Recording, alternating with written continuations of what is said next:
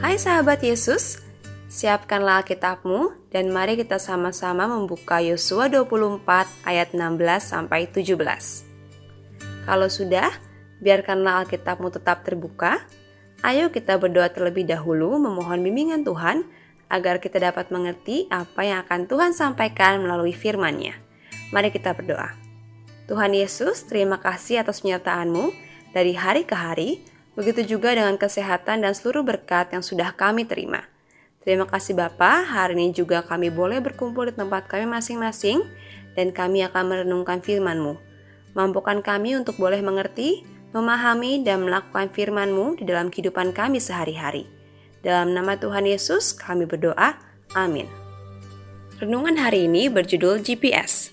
Sebelum mendengarkan renungan, mari kita membaca firman Tuhan yang tadi sudah kita siapkan. Firman Tuhan hari ini diambil dari Yosua 24 ayat 16 sampai dengan 17. Lalu bangsa itu menjawab, Jauhlah daripada kami meninggalkan Tuhan untuk beribadah kepada Allah lain.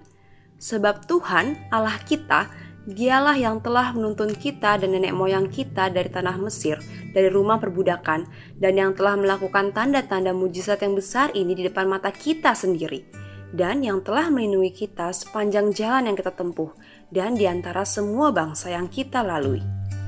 Di masa modern seperti sekarang ini, traveling menjadi salah satu kegiatan yang populer. Banyak orang pergi ke tempat-tempat baru yang belum pernah mereka kunjungi.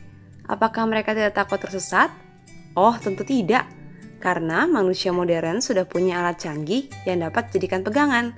Nama alat itu adalah GPS, Global Positioning System GPS adalah sebuah sistem navigasi berbasis satelit yang dikembangkan oleh Amerika Serikat melalui United States Space Force atau USSF, cabang dari Angkatan Bersenjata Amerika yang secara khusus menangani luar angkasa. Saat ini, USSF memiliki 31 satelit yang beredar di orbit bumi. Namun, apakah sahabat Yesus tahu? Jika masyarakat modern mempunyai GPS sebagai alat pemandu navigasi ketika bepergian, apa yang diandalkan oleh orang-orang di masa lampau sebagai alat pemandu perjalanan? Coba sebutkan dua contoh alat pemandu sebelum ditemukannya GPS. Betul, dahulu orang-orang memakai bintang atau peta sebagai pemandu arah. Lalu, kisah bangsa Israel keluar dari tanah Mesir juga menjadi salah satu kisah nyata Tuhan yang membantu umatnya. Dengan apakah Tuhan memandu bangsa Israel supaya tidak tersesat dan hilang arah? Tuhan Allah kita memandu bangsa Israel dengan menggunakan tiang awan dan tiang api. Tuhan Allah kita memang luar biasa.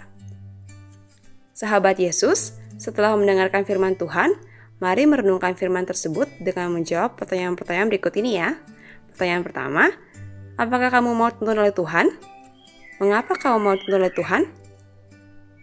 Wah, tentu saja mau ya. Karena hanya Tuhanlah jalan yang baik dan benar. Pertanyaan kedua, tahukah adik-adik bagaimana cara mengetahui panduan dari Tuhan? Dengan cara membaca Alkitab atau firman Tuhan dan renungan harian ya. Ingatlah, tuntunan Tuhan nyata atas bangsa Israel. Ayo sekarang kamu juga ikut mengucapkan kata-kata ini ya. Tuntunan Tuhan nyata atas bangsa Israel. Ayo kita ucapkan bersama-sama. Tuntunan Tuhan nyata atas bangsa Israel. Mari kita berdoa. Bapa di surga, Terima kasih karena Engkau telah menuntun, memandu, dan membimbing kami. Ajar kami untuk dapat menjadi anak-anak Allah yang taat dan setia kepadamu.